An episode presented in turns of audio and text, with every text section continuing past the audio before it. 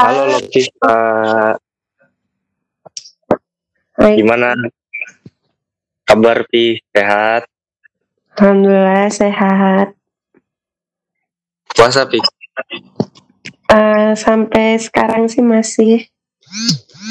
Nah mantap. Jogja gimana tuh? Apa? Jogja aman nggak? Aman. Tapi masih rame di kota. Masih rame? Nah itu. Kan kalau di sekitar UM ini udah sepi. Terus kemarin tuh nyari keperluan buat mamanya Bella kan ke kota. Terus masih rame kayak ya kayak biasanya aja. Emang Bella nggak berisik aja? Enggak. Oh, gimana gimana ngomong apa sih? Iya kan jalan ke JCM kan, di situ kan uh. Emang kayak rame-rame gitu jalannya. Kan itu jalan arah ke jalan Magelang, mau ke arah luar. Ya kalau rame nggak apa-apa, eh wajar dong. Iya, rame di sekitar situnya. Terus mall-mall beberapa outlet tutup sih. Ya, berarti bagus menerapkan pemerintah eh menerapkan peraturan pemerintah. Mm -mm. Cuma kayak di minimarket itu rame banget. Kan habis dari GCM kan nggak ketemu. Terus kita ke depan. Ke apa ya namanya? Indo Indo? Oh Indo Grosir. Terus itu ya ampun rame banget. Indo Grosir apa Super Indo? Indo Grosir. Indo Grosir. Kok aku baru tahu ya? Lah iya, aku juga baru tahu kemarin dari Bella. Bella kenapa nggak balik dia? Kemarin tuh bilangnya di Jawa Barat tuh kan yang terbanyak kedua kan, terus dia tuh agak serem gitu katanya mau pulang. Ya udah, oh. jadi kebetulan kakaknya kan juga masih di Jogja. Iya sih dia enak ada keluarganya di situ. Mm -mm. Tapi gimana Pi sendirian Pi? Gak gimana gimana lah. Udah Ribet biasa. Gak? Ribet gak Pi? Ribet apa nih? Kayak mau ngapa-ngapainnya gitu. Nah, jadi tuh kan kemarin nih waktu tanggal 24 hari Jumat sore, kan ambil bukaan nih di kampus. Ah. Nah, bilangnya kan ngambil bukaannya di gerbang selatan ya udah api jalan kan kan deket nih kalau ke gerbang selatan Iya. terus kan masih tutup Api pikir ya ampun udah jam 4 masih tutup. Mungkin belum buka. Ya udah Api coba beli frame dulu kan. Nah pas beli frame eh tiba-tiba ada yang mau melipir kan. Apa itu apa itu parnoan jadi belakangan nih gara-gara dibilang sama abang tuh hati-hati. Belakangan banyak rampok kan dibilang kayak gitu. Terus Oh iya. oke Terus? kan nih. Ya Allah ada yang melipir. Terus tuh berhenti kan berhenti. Terus eh, tiba-tiba dia bilang naik mbak lah putra ternyata ya ampun terus oh dia ya ampun putranya kenapa loh Lah Putra juga nggak balik dia. Enggak, enggak balik. Dia bilang jauh banget jalannya mbak. Enggak lah orang deket ini. Dia bilang kan ambilnya tuh Ah. di gerbang utama ternyata. Walah, untung aja ketemu Putra kan. Kalau misalnya nggak ketemu Putra, tapi kayak ya balik aja lah daripada ke gerbang utama kan jalan jauh. Bang, bang nggak ada dikasih tahu info apa-apa. Kok bisa salah kayak gitu sih? Infonya tuh di gerbang selatan. Iya, maksudnya kan udah dikasih tahu infonya gerbang selatan. Habis itu kayak ada yang ngasih tahu lain gitu. Nggak Kalau ada, pindah nggak ada. nggak ada, emang nggak jelas. Masih banyak yang nggak pulang di sana, Pi. Nggak banyak-banyak banget sih yang aku tahu kan Putra terus Ah. Bella sama yang masih di Jogja tuh yang emang tinggal di Jogja kayak Ode, Tajus, Wicca kan emang tinggal Oh, di iya. Jogja kan. Kalau dia emang tinggal di Jogja kan. Kema- kemarin kenapa nggak pulang, Pi? Ya kenapa berpikir tidak baik dampaknya untuk nenek dan kakek Opi kan, soalnya udah tua. Iya sih. Beneran juga. Tapi kan kalau situasi kayak gini juga ribet sendiri, ya nggak sih? Enggak sih, nggak ribet. Seriusan. Masa kayak iya? apa tuh ya pasti kayak ada aja jalannya kayak orang kemarin pas ngambil bukaan ada aja kan jalannya eh ketemu Putra Eh, iya sih Ada bener sih. juga. Walaupun nggak kepikir bakal sesulit itu tapi ternyata ada aja yang nolong Rasanya sendirian gimana tuh? Di sana? Survive. bosan banget. Ya aku udah tiduran sampai pusing duduk sampai pusing. Kemarin kan waktu make up challenge nih kan make up tuh duduknya tuh lama kan? Ya Allah sampai pusing tuh udah bosan duduk udah bosan baring Tapi kan enak, Opi kan enak ada ada cimeng kan?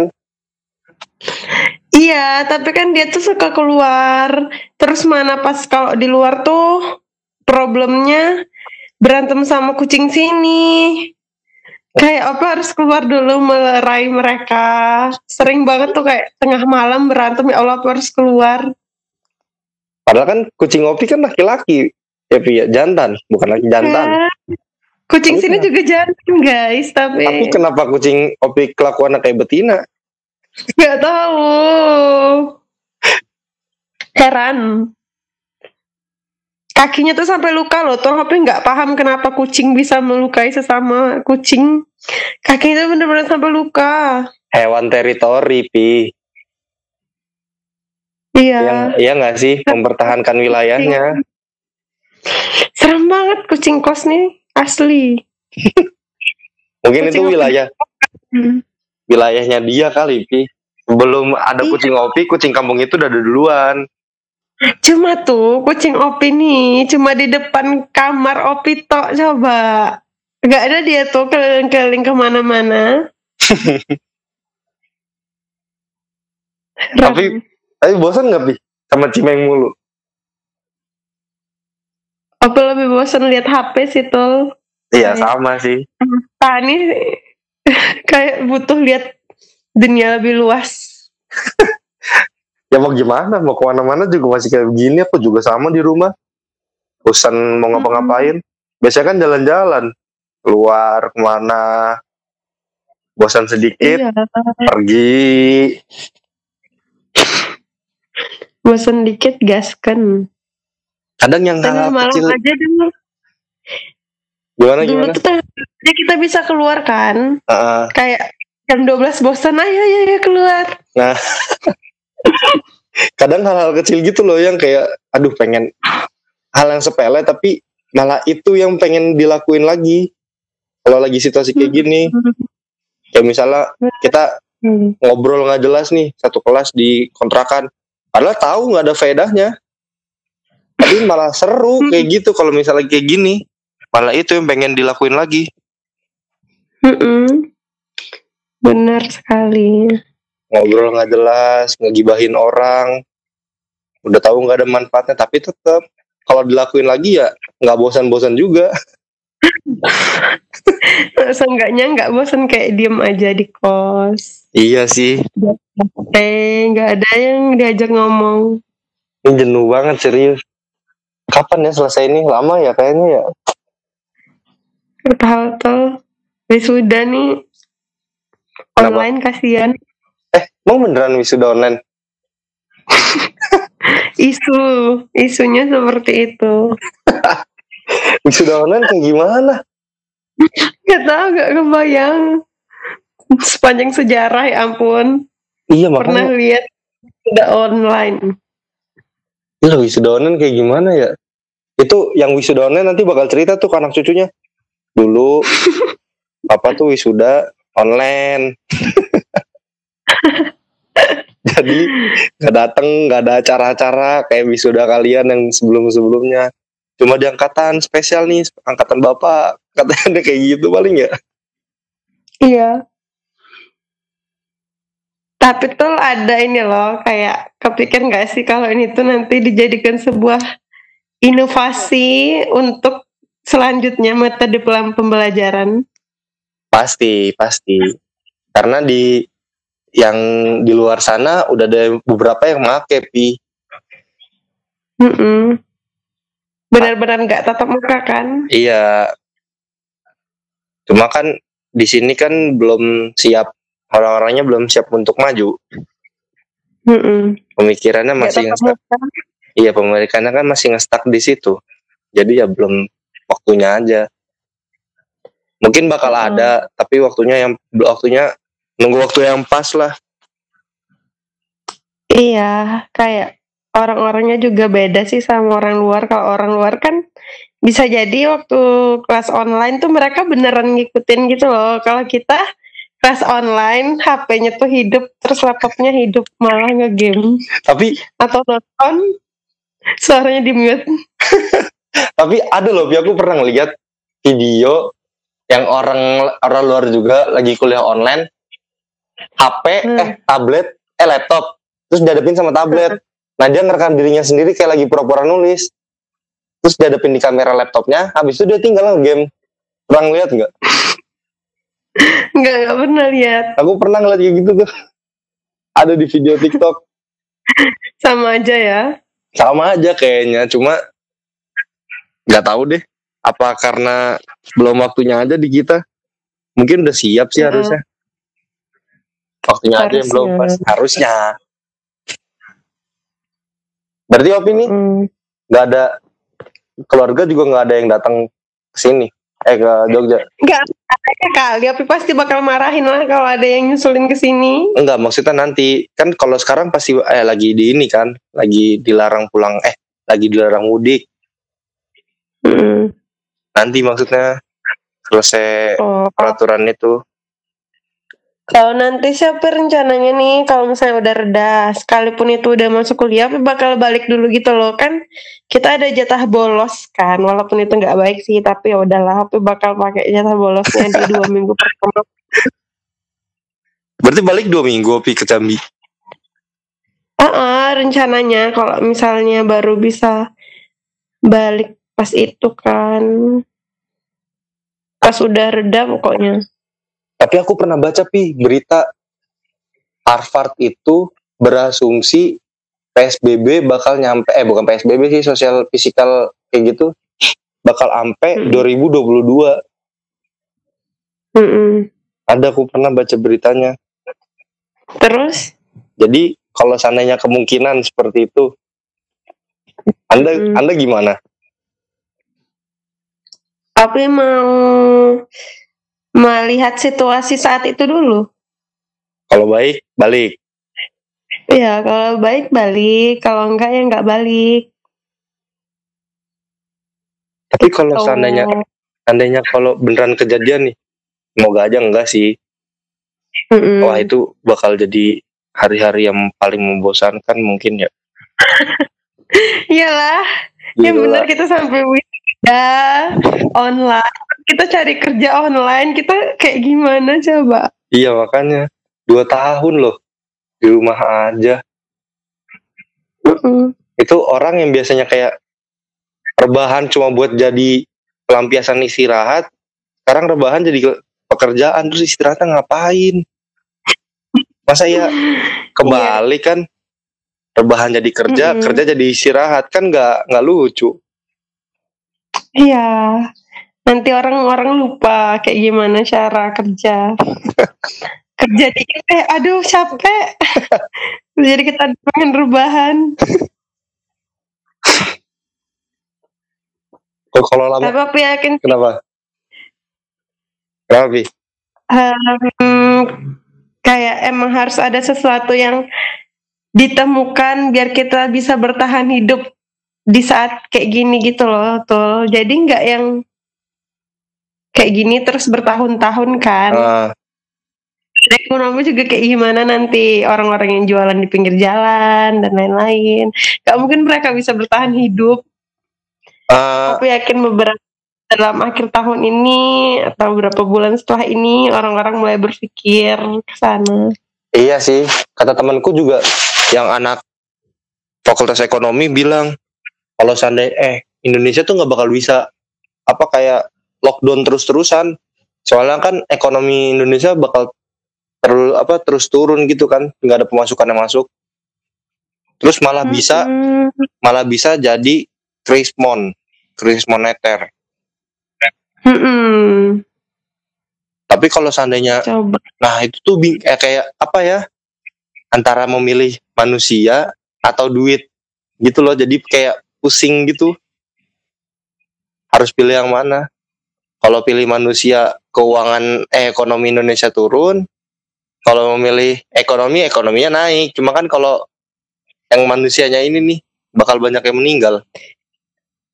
Iya, mm, cuman kayak nggak bisa gitu loh jadiin pilihan kayak harus imbang soalnya kalau coba kalau milih manusianya terus ekonominya nggak ini negara tuh juga belum mau bertanggung jawab atas kesejahteraan rakyat kan buktinya tuh Nah, Jokowi sendiri yang bilang waktu di mata Najwa itu kan bilangnya eh Pak ini tuh kayak kebanyakan yang pulang kampung. Intinya tuh kayak gini ya kalau banyak yang pulang kampung nah, eh, kan resikonya besar kan.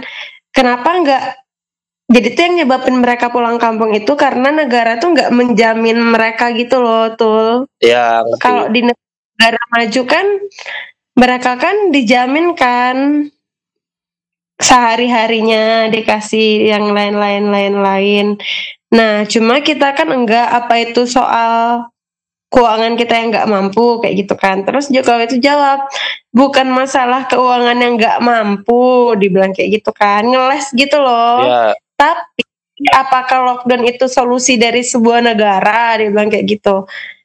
Coba lihat negara mana yang kalau di lockdown langsung sembuh COVID-nya. Cuma tuh kan coba kita pikir, emang nggak langsung sembuh, tapi grafik COVID-nya tuh iya menurun menurut gitu loh. melandaikan kurvanya. Iya, tapi, Berapa tuh? hmm, ngeles itu, ngeles kayak nggak dibiayain, nggak di lockdown bener-bener dan dikasih sangu banget nggak ditanggung jawabin kesejahteraan rakyatnya tuh karena itu alasannya. Nah. belum tentu kalau dilakukan kayak gitu COVID-nya tuh hilang kayak gitu. Nah iya betul. Tapi kalau mau ngebantah bilang ya apa? Tadi dia bilang yang negara mana yang sukses ya? Sekarang udah ada. Vietnam. Iya emang udah ada. Iya. Makanya sekarang udah ada. Vietnam. Terus Dalam pemerintahan. Emang landai kan bakal ya perlahan-lahan nggak mungkin orang lockdown terus langsung hilang. Iya penyakitnya nggak mungkin. Benar. Pelan-pelan. Pelan-pelan. Terus juga kan ada aku pernah baca peraturan pemerintah yang keberapa gitu. Itu ada eh peraturan pemerintah apa peraturan presiden gitu yang tentang kebijakan kalau kita lockdown bakal dikasih asupannya. Terus di sisi lain Jokowi itu pernah bilang kok nggak salah, aku juga pernah baca kalau seandainya per hari itu buat Jakarta doang keluarin cuma 550 miliar. Koreksi kalau misalnya aku salah ya. Itu per hari buat Jakarta doang. Mm-mm. Katanya kayak gitu sih. Mm-mm. Mungkin pertimbangannya itu. Mm-mm. Nah itu itulah yang dibilang apakah itu soal yang angka kan Nah. terus Jokowi itu tetap itu tuh ngelak kalau itu tuh bukan soal angka jadi kayak ya sebesar apa pun itu berarti nggak masalah kan kalau misalnya dia bilang bukan soal angka bukan soal itu. Ya enggak sih? Iya, nggak masalah sih sebenarnya. Kalau itu, terus ngelesnya tuh malah yang itu tadi ngelesnya yang tadi apa? Yang negara mana? Coba sebutin negaranya bla bla bla bla yang kayak gitu. Ngeles Tapi ya kalau misalnya emang mampu bilang aja nggak mampu gitu loh nggak usah yang ngeles sampai bilang negara mana apa ada buktinya yang emang ya ya. emang nggak langsung tuh logikanya Tapi kan gini, Pi, dia ngomong itu sebelum ada berita Vietnam itu udah nggak eh udah di bener-bener bebas dari COVID-nya itu kan. Dia kan eh beritanya naik waktu di Mata Najwa nih. Nah, Vietnam ini masih masih dalam tahap lockdown kan. Belum bener-bener pulih. Heeh. Nah, setelah beritanya tuh, eh, setelah beritanya naik, udah tayang. Nah, baru ada berita lagi, Vietnam selesai dengan nol orang yang meninggal. Itu benar-benar selesai distancingnya di Hanoi. ya Mungkin karena itu. Terus tapi cuman pertimbangannya kan bukan cuma Vietnam tuh. Emang apa cuma Vietnam yang lockdown? Tapi kan banyak negara-negara lain kan yang juga do- yang juga lockdown.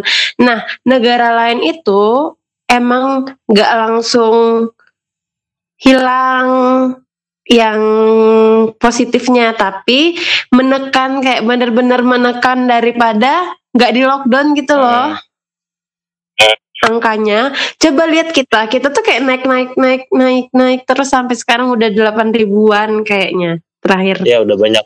Apa udah berapa? Tapi kalau seandainya kita ngikutin peraturan PSBB nih ya itu bisa juga kita Mm-mm. ngel apa nurunin apa kelandaian kurvanya. Kita bikin kurva itu landai sebenarnya bisa lewat PSBB kalau orang-orangnya itu benar-benar nurut semua. Yang keluar cuma orang-orang yang Mm-mm. berkepentingan di luar beraktivitas di luar. Terus kalau misalnya nggak ada kepentingan udah kita di rumah aja buat memutus mata rantai si covid ini. Kan gampang gitu loh cuma kan balik lagi nih warganya aja yang bebel.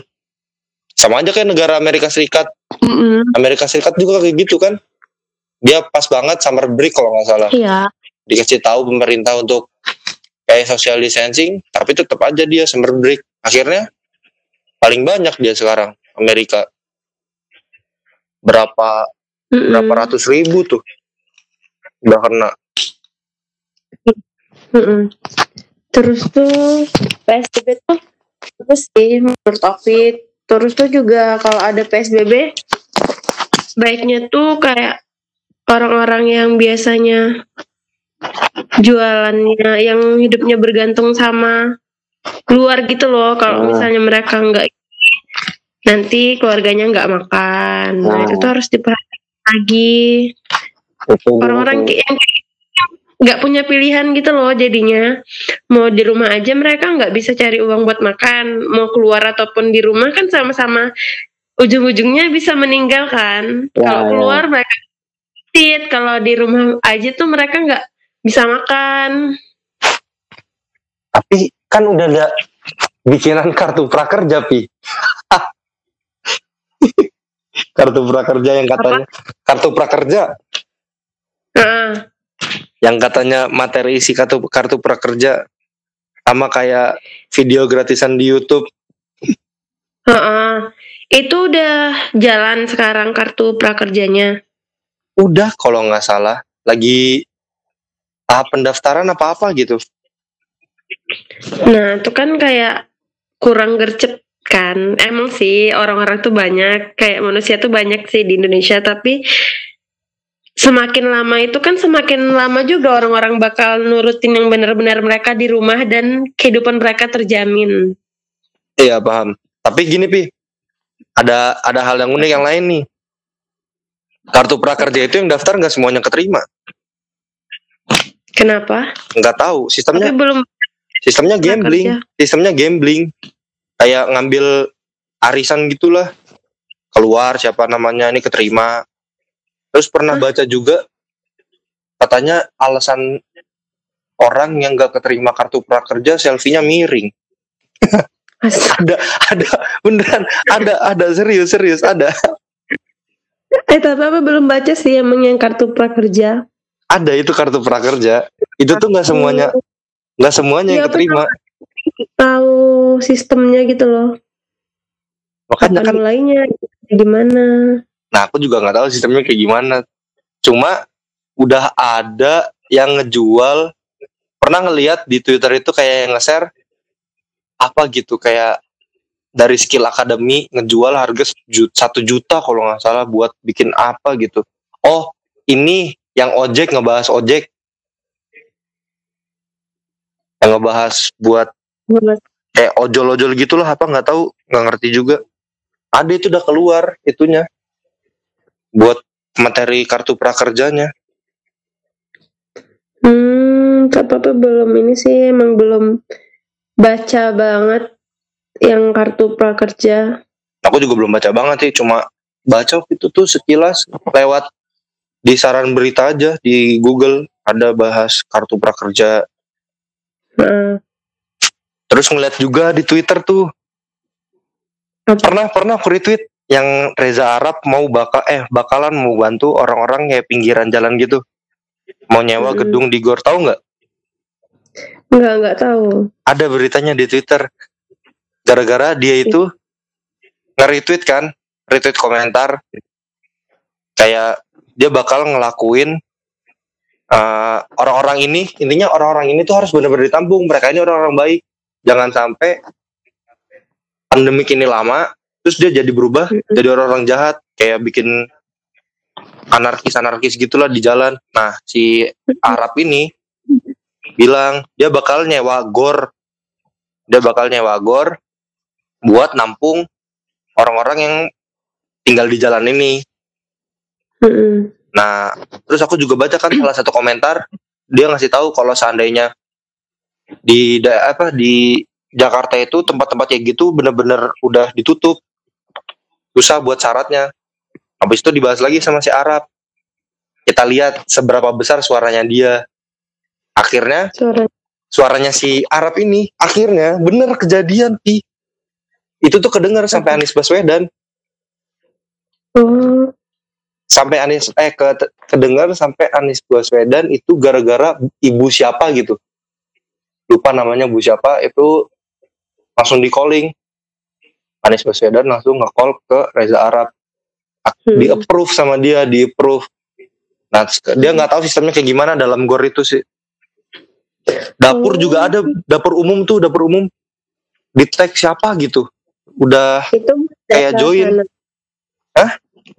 Itu buat daerah Jabodetabek atau mana? buat Jakarta kayaknya Jakarta. Heeh. Hmm. Nah maksudnya sih. gini loh.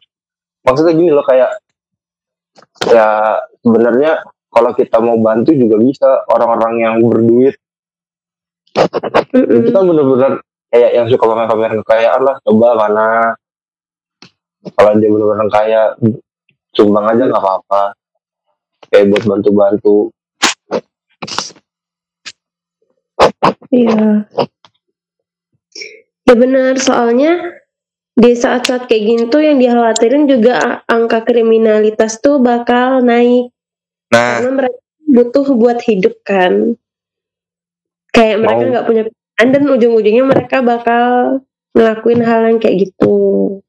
belum lagi Nah. pengembala sound the ship kan ngebebasin napi Iya. Astagfirullah. Ayo masuk ya lagi yuk. Ke penjara sini sini. tujuannya apa coba terus dia dia itu kan bilang ya napi waktu itu berita awal napi bakal dibebasin kan tapi bukan napi Hmm. koruptor nah bener bener kejadian kan napi Hmm. terus habis itu ada yang berulah di daerah pulau Jawa kalau nggak salah di mana gitu deh ada napi berulah lagi nih bikin kejahatan. Terus habis itu dikomentarin sama Pak Yasona bilangnya waduh saya juga nggak tahu nih. Itu kenapa saya juga pusing. Lah kan bapak sendiri yang nggak bebasin malah bapak sendiri yang pusing. Apaan coba? Iya. sampai Hotman Hotman Paris aja bilang ngomong apa sih pak? Kata dia digituin.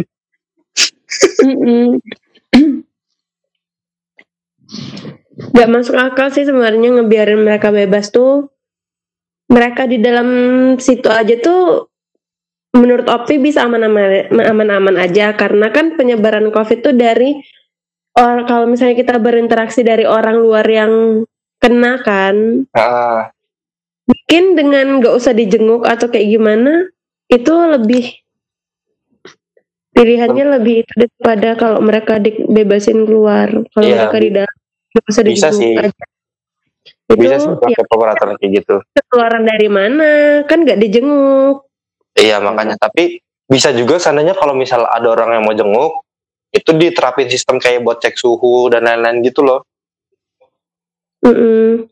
bisa tapi cek aja. suhu kan benar-benar valid. Soalnya udah beberapa kali cek suhu tuh kayak nggak bener gitu loh. Iya sih ada- benar-benar. nya salah.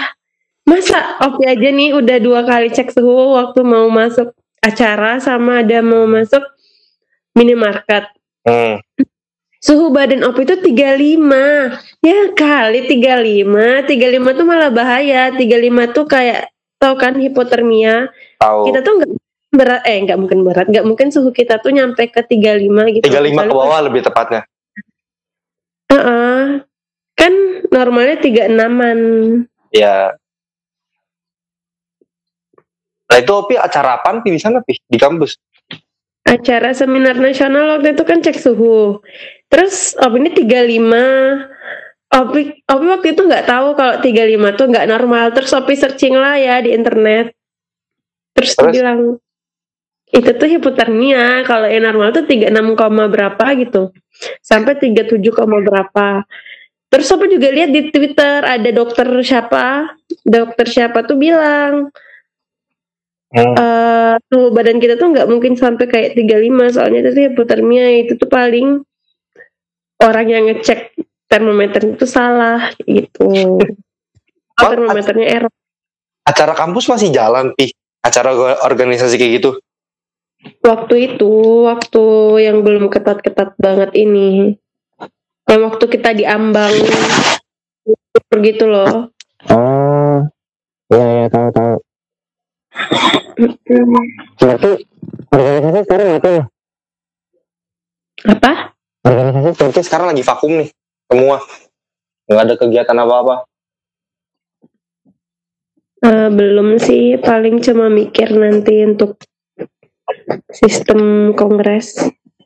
Soalnya semua acara udah nggak ada yang bisa jalan kan, yang dipikirin Iya. tinggal itu. Kalau sistem kongres, ya enggak. Kalau kongres itu harus dilaksanain sebelum awal masuk semester lagi. Iya harus. Kalau masih kayak gini online dong mau nggak mau. Iya guys, Jadi serba online sekarang ya. Nggak online aja sepi, apalagi online siapa coba yang gabut mau gabung ngeliat kongres. Aduh.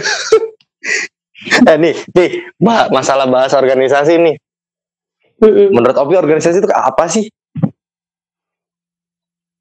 organisasi itu menurut tapi wadah untuk mengembangkan diri kita sih di situ tuh kayak kita bisa tahu diri kita sebenarnya tuh kayak gimana atau lebih ke membentuk karakter kita jadi lebih baik cara berpikir kita juga jadi lebih baik Misal nih, Pi, ada maba Hmm. Nanya, organisasi itu penting apa enggak sih? Terus lebih baik mana organisasi internal kampus apa eksternal kampus? apa Menurut Opi itu kayak gimana, Pi? gimana Nih misal ada maba yang nanya nih, organisasi itu penting gak sih benernya buat sebagai mahasiswa? Terus bagusan bagusan mana nih? Internal kampus apa Mm. eksternal kampus? Itu menurut Opi itu kayak Nah, gimana, Pi? kalau penting atau enggaknya sama internal atau eksternal tuh menurut aku jawabannya tuh tergantung gitu loh. Jadi kita tuh mau diri kita tuh seperti apa. Kalau misalnya kita mau kuliah sekedar kuliah nggak pengen membentuk karakter untuk jadi gimana kayak gimana ini kan penting kan organisasi. Dia dia cuma sekedar Ah, kuliah kuliah terus nanti lulus sih sudah bisa kerja udah.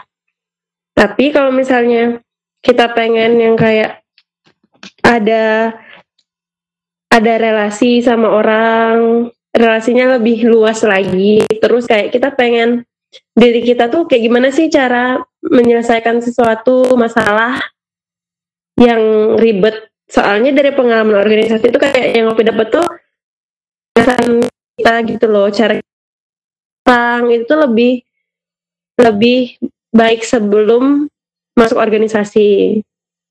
Lebih baik dari sebelum kita masuk organisasi.